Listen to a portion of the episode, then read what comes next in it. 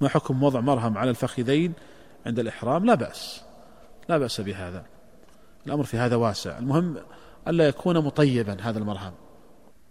هل يلزم المتمتع أن يحل بعد العمرة؟ أقصد أن أحلق أو أقصر الشعر وأكون بالإحرام. المتمتع يطوف ويسعى ويحلق أو يقصر. إذا لم يحلق أو يقصر فليس متمتع. فلا بد من الحلق والتقصير حتى يصدق عليه أنه متمتع. لكن بعض الناس ربما يذهب في اليوم الثامن يطوف ويسعى ويحلق ويقصر ولا يريد أن يخلع الإحرام. هنا يتحلل بالنية ينوي التحلل بالنية ثم يدخل في الحج مباشرة. يعني هل ورد عن النبي صلى الله عليه وسلم في عرفة أنه كان مستظلا أم لا؟ الذي يظهر أنه لم يكن مستظلا إنما جلس على بعيره عند الصخرات عند الصخرات عند الجبل. والجبل يكون له ظل من بعد الزوال يعني يبدأ الظل في التولد إلى جهة الغرب. وهو إنما بقي في شرق شرق شرق عرفة. قال الحج يكفر الكبائر من الذنوب. هل يصح حديث أن الله ينزل على أهل مزدلفة فيغفر لهم جميع ذنوبهم حتى حقوق الآدميين؟ هذه ذكر ابن تيمية رحمه الله أن حقوق الآدميين أنها لا تغفر لا يكفرها الحج ونقل الاتفاق على ذلك. فالتكفير إذن هو خاص بحقوق الله عز وجل فقط. بحقوق الله سبحانه. أما حقوق الآدميين فلا يشمل حقوق الآدميين ما يكفرها شيء. حتى حتى الجهاد في سبيل الله حتى الذي يقتل في سبيل الله. يبيع نفسه لله عز وجل ومع ذلك حقوق العباد تبقى. ولهذا قال عليه الصلاة والسلام لما سئل آه، عن من يقتل في سبيل الله قال إذا قتل صابرا محتسبا مقبلا غير مدبر دخل الجنة. ثم نادى الرجل وقال إلا الدين. خبرني بذلك جبريل آنفا. إلا الدين. فدل ذلك على أن حقوق العباد لا تغفر لا للشهيد ولا للحاج. هذا يبين لنا خطورة ما كان متعلقا بحقوق العباد من مال أو دم أو عرض أو فأمرها عظيم جدا. ولهذا عظم النبي صلى الله عليه وسلم شأنها في خطبته بعرفات بدأ بها أن دماءكم وأموالكم وأعراضكم عليكم حرام كحرمة يومكم هذا في شهركم هذا في بلدكم هذا. فما بال نرى الاستهانة من, من يعني كثير من الناس بحقوق العباد. حقوق العباد أمرها عظيم جدا عند الله عز وجل. ينبغي تعظيمها. لا يكفرها شيء لا الحج ولا الجهاد ولا أي شيء. تبقى لأصحابها يوم القيامة. حقوق الله تعالى مبنى على مسامحة. يمكن يكفرها الحج يكفرها الجهاد يكفرها يعني بعض العبادات. لكن حقوق العباد تبقى لأصحابها يوم القيامة. لا يكفرها شيء. قال من لم يحج حتى الآن ويصعب عليه الحج بحمله. هل يجوز له الحج بدون تصريح؟ يا أخوان الحج الفريضة يعني لا بد منه. ركن من أركان الإسلام. ركن من أركان الإسلام. لا بد أن يحج. لا بد. حتى لو لم يتيسر له التصريح يذهب ويخبر يعني من عنده نقطة تفتيش بأن حج فريضة. حج الفريضة لا بد منه. كيف يترك ركن من أركان الإسلام وهو قادر عليه؟ فلا بد من الاتيان بحج الفريضة. لا بد من أن يأتي بحج الفريضة وليستحضر من لم يحج حج الفريضة مع قدرته أنه أتاه الموت وهو على تلك الحال. كيف سيلقى ربه وقد أخل بركن من أركان الإسلام؟ إذا أرادت الزوجة أن تضحي أضحية عن والديها المتوفين هل يجب عليه الإحرام؟ يا أخوان يعني السنة في هذا والأفضل أن يضحي الإنسان عن نفسه ويشرك والديه ويشرك من شاء من الأحياء والأموات. الأضحية عن الميت محل خلاف بين العلماء. فمن العلماء من قال إنها لا تشرع أصلا على الميت. وقالوا إن النبي صلى الله عليه وسلم لم ينقل عنه إنه ضحى لاقارب الأموات. لم يضحي عن زوجة خديجة. لم يضحي عن عمه حمزة. لم يضحي عن بناته الذين توفين في حياته عليه الصلاة والسلام. لم يضحي عن آه، أبنائه الذين ماتوا في حياته. فلم يضحي عليه الصلاة والسلام عن أقارب الأموات. ولذلك الأفضل أن يضحي الحي عن نفسه ويشرك من شاء من الأحياء والأموات. هل تقسيم الأضحية ثلاثا سنة؟ آه، روي في ذلك حديث في سنده مقال والصحيح في هذا أنها تقسم قسمين الأكل والصدقة فكلوا منها وأطعموا البائس الفقير كما في الآية الكريمة تقاس على الهدي. أما قسمتها ثلاثا لم يرد فيه شيء ثابت والأمر في هذا واسع. لو أكلها كلها أو تصدق بها كلها فالأمر في هذا واسع. عمرة هذا هو الأفضل نعم. ما دامها قلبتها عمرة قد أصبحت متمتعة. شاءت أم أبت. حتى ولو كان ما دام أتت بعمرة فهي متمتعة. لا يشترط التمتع النية. أي ما دام قصرت وتحللت ما دام تحللت من العمرة فهي متمتعة. قلت إن جابر سافر إلى الشام. آه، السؤال هل القصر والجمع في الصلاة مقيد بثمانين كيلو أم, مجاوزة يعني لا لا علاقة بأول السؤال مع آخره. لكن جابر رضي الله عنه قلنا أنه سافر من المدينة للشام لأجل سماع حديث واحد فقط. القصر والجمع في الصلاة هل هو مقيد الثمانين كيلو أم مجاوزة البنيان. آه، أقل مسافة للسفر هي ثمانين كيلو. لكن يعني لو افترضنا المسافة أكثر من ثمانين من ثمانين فأكثر متى تبدأ في القصر؟ بعد مجاوزة العمران. بعد مجاوزة العمران تبدأ في القصر. هذا هو المقصود. هل يمكن أن يقال أن شرب ماء زمزم واقفا أفضل لفعله صلى الله عليه وسلم؟ وغير زمزم الأفضل فيه الشرب جالسا لا يظهر الحكم عام. لكن النبي صلى الله عليه وسلم انما شرب قائما لأن المكان كان ضيقا والناس كثير فشرب قائما وإلا فإن الشرب جالسا أفضل من الشرب قائما. تعمد مجاوزة الميقات ثم لبس الإحرام والسبب أني لست متأكدا من دخول مكة فماذا أفعل؟ آه، ما دمت مترددا في النية.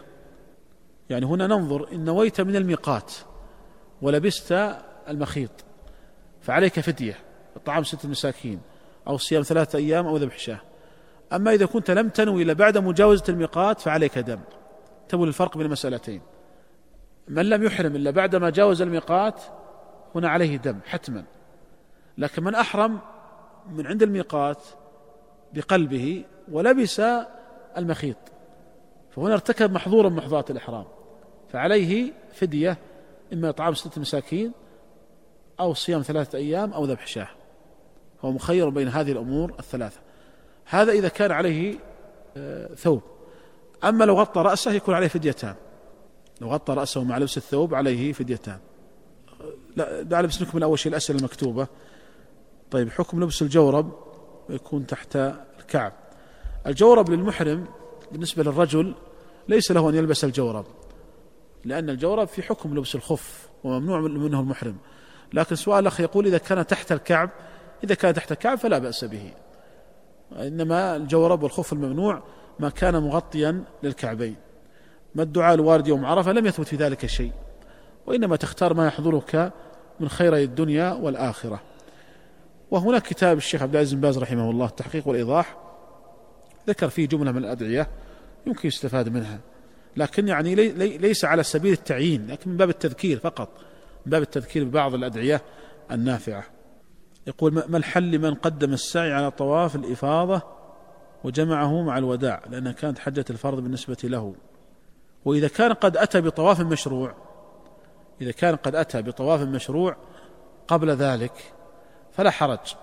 أما إذا كان من لم يأتي بطواف وقدم السعي على الطواف فسعيه غير صحيح. وهذا هو الذي اتفقت عليه المذاهب الأربعة الحنفية والمالكية والشافعية والحنابلة على أن تقديم السعي على الطواف أنه لا يصح.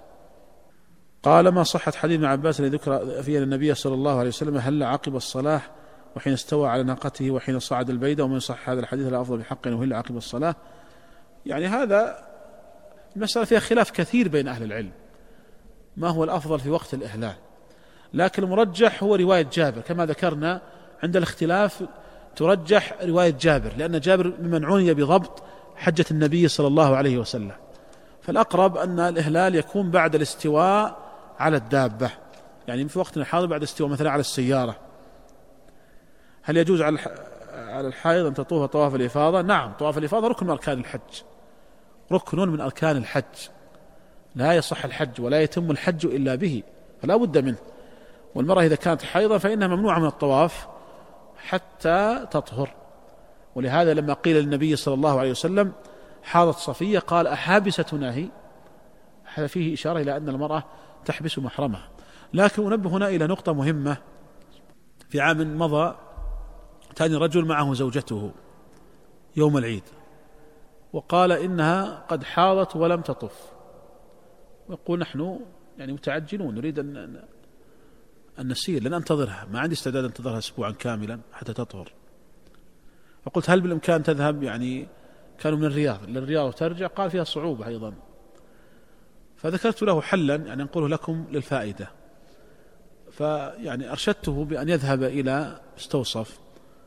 الصلاة الأهلية ويطلب منهم أخذ إبرة لرفع الحيض. ويقولون إن, إن مثل هذه الإبرة إذا كانت بصفة عارضة وليست دائمة أنها لا تضر إنما الذي يضر إذا أكثر منها أو أخذت بصفة مستمرة. وبالفعل هذا الرجل ذهب مع زوجته وأخذ هذه الإبرة فارتفع الحيض وطهرت اغتسلت وطهرت وطافت وأتى في اليوم الثاني يشكر. يقول هذا يعني حل ولله الحمد زال معه الإشكال. وخرج أيضا من الخلاف مسألة يعني فيها خلاف. وهذا أيضا حتى الخلاف لا ينطبق على من كان بالداخل. كلام ابن تيمية في المرأة التي تطوف وهي حائض لا ينطبق على من كان داخل المملكة. هذا ينطبق على إنسان قدم من بلاد بعيدة يمكن يفتى له برأي ابن تيمية. فيعني هذا أنقل لكم هذه الفائدة. هذا حل. هل يعني في وقت الحاضر بإمكان الاستعانة بمثل هذه الأمور الطبية ويرتفع الحيض وتطهر وبالتالي تطوف وهي على طهارة ويزول الحرج. هل يصح المبيت أيام منى بالعزيزية أو الأبراج حول الحرم إذا لم يستطع المبيت منى؟ هذه مسألة محل خلاف. والصحيح أنه لا بد من أن يبيت في أقرب مكان إلى منى إما في مزدلفة مثلا أو في الأماكن القريبة من منى من جهة العزيزية. لكن أن يبيت في فندق خمس نجوم ونقول يسقط عنك المبيت صعب يا أخوان. وإذا أجزنا ذلك أجزنا أيضا أن يذهب إلى جدة أن يذهب إلى الطائف أيام منى. يعني هذا كله من اللوازم لابد أن ننظر لمآلات القول. فالذي يظهر لا بد من البيتوتة بمنى واجب من واجبات الحج. فإذا كان مثلا مقيما في العزيزية نقول تأتي وتبقى في منى أكثر من نصف الليل. يعني قرابة ست ساعات ويمكن أن تجعل أيضا الرمي في الليل ويعني يأخذ وقتا الرمي منك وأنت ذاهب وأنت راجع يمكن يأخذ منك ثلاث ساعات. وتبقى ثلاث ساعات أخرى وبذلك تكون قد أتيت بالواجب. أما مع يعني يقول بعض الناس من أنك يسقط المبيت في حقك وتبيت في أي مكان هذا غير صحيح. هذا غير صحيح. هذا يترتب عليه كما ذكرنا لوازم هل يجوز المرأة أن تضحي وهل تمسك من نعم المرأة كالرجل في الأضحية وفي الإمساك من الشعر والأظافر. المرأة كالرجل في هذا في جميع الأحكام. زوجتي لم تصم خمسة أشهر رمضان. تدخل عليها مرة حامل ومرة مرضعة كيفية القضاء؟ هل تصوم أم يكفي الطعام؟ لا بد من الصيام لا بد. فمن كان منكم مريضا أو على سفر فعدة من أيام أخر. المرأة الحامل تأخذ حكم المريض. فلا بد من القضاء ولا بد من أن تبادر. يعني خمسة أشهر كون أفطرت خمسة أشهر ويعني لم تقضي إلى الآن هذا يدل على التساهل والتفريط. تجعل لها في كل شهر أياما يعني تجعل لها مثلا من كل شهر أسبوعا حتى تنتهي من القضاء. في العمرة قبل الحلق قلمت أحد أظفاري ناسيا. لا حرج. من ارتكب محظورا من محظورات الإحرام ناسيا أو جاهلا فلا حرج عليه. لم أنوي الأضحية من بداية العشر ولم أمسك وفي آخر يومين من ذي الحجة. تيسرت أموري وأردت أن أضحي فماذا علي؟ تبدأ يبدأ هذا من من من بداية النية. فبعض الناس مثلا ما نوى أن يضحي لما سمع ما ورد في الأضحية من الفضل والأجر نوى أن يضحي فنقول تمسك من حين النية. يقول زميلي من الصم البكم وهو متزوج وفي صباح رمضان جامع زوجته. فماذا عليه؟ من كفارة. وإذا كان يعني صحيحين بكامل قواهم العقلية عليهما ما على غيرهما. يكون على آه، كل منهما الكفارة المغلظة وهي عتق رقبة ولا يوجد رقاب الآن. الآن انقرض الرق. فعلى كل منهما أن يصوم شهرين متتابعين عن كل يوم. وذلك لأن الذنب عظيم لأن انتهاك لحرمة الشهر فلا بد من الصيام. وليس له أن ينتقل للإطعام إلا عند العجز عن الصيام. أن عجز عن الصيام يطعم ستين مسكينا. لكن ما دام قادرا على صيام رمضان فهو قادر على صيام شهرين متتابعين. المشقة لا بد منها لأن الذنب عظيم. من عقد عليها النكاح وهي محرمة هل عليه إعادة عقد النكاح؟ نعم. من عقد عليها النكاح وهي محرمة فيجدد عقد النكاح. هذا يحصل أحيانا عندما تطوف المرأة وهي حائض أو أنها ما تطوف طواف الإفاضة. ثم تتزوج. فعقد النكاح غير صحيح ويجب تجديده. الهدي يسأل عن الهدي. الهدي يجب على المتمتع والقارن دون المفرد. المفرد ليس عليه هدي. لكن يبقى أيضا هدي التطوع. من أحب أن يهدي هدي التطوع فلا بأس. يعني هدي التطوع من السنن يعني المهجورة. من السنن المهجورة. فمن أراد أن يهدي هدي تطوع فلا بأس. يعني هذا من تعظيم شعائر الله. إراقة الدم بالهدي بذبح الهدي والأضحية هذا من أفضل الأعمال. يدخل بعض الحجاج مكة ويبدأ بأعمال الحج يوم التاسع فالعمل صحيح. عمله صحيح. فمن يذهب المهم أن يدرك وقت الوقوف بعرفة قبل طلوع الفجر من يوم العيد. ولو لحظة ولو لحظة. لكن لا شك كونه يذهب اليوم الثامن ويأتي بالسنن هذا هو الأكمل والأفضل. ولكن من حيث الصحة يصح. ولذلك يعني يذكر أحد الأخوة عن رجل أنه صام مع الناس يوم عرفة هنا في الرياض وأفطر. وبعدما أفطر ذهب يعني أراد أن يحج نوى الحج. فذهب بعد ما أفطر وأدرك الوقوف بعرفة قبل طلوع الفجر وأكمل حجه. حجه صحيح. صحة آه، من أن ارتكب محظورا فليس عليه دم. هذا روي عن ابن عباس من ترك نسكا فعليه دم وتلقته الأمة بالقبول. تلقته الأمة هذا الأثر بالقبول. وعليه جماهير أهل العلم قديما وحديثا. و يعني تجهيل هؤلاء الجم الغفير من العلماء هذا يعني إخوان غير المناسب صحيح ما ينبغي المبالغة في إيجاب الدماء على الناس لكن أيضا من ترك واجبا من واجبات الحج فالذي عليه عامة أهل العلم أن عليه دم. وهذا الأثر عن ابن عباس ولم ينقل عن أحد من الصحابة أنه قال بخلافه. ويشبه أن يكون يعني آه، اتفاقا منهم على ذلك. فيعني أرى أن هذا هو القول الذي عليه عامة أهل العلم جيلا بعد جيل وقرنا بعد قرن. فينبغي احترام هذا الرأي. وخاصة أنه مأثور عن آه، يعني عن ابن عباس رضي الله عنهما. وأما القول بأن من ارتكب من يعني ترك واجبا ليس عليه شيء هذا محل نظر ظاهر. هذا محل نظر. وكما ذكرنا إن أثر ابن عباس تلقته الأمة بالقبول وعمل به الفقهاء آه، في القرون الماضية ويسعون ما وسع علماءنا وفقهاءنا بهذا نكون قد أجبنا عن الأسئلة الواردة ونسأل الله عز وجل جميع الفقه في الدين والعلم النافع وصلى الله وسلم على نبينا محمد وعلى آله وصحبه أجمعين. جزا الله فضيلة الشيخ خير الجزاء وجعلنا الله وإياكم ممن يستمعون القول فيتبعون أحسنه. وتقبلوا تحيات إخوانكم في تسجيلات الراية الإسلامية بالرياض هاتف رقم أربعة تسعة واحد واحد تسعة ثمانية خمسة والسلام عليكم ورحمة الله وبركاته.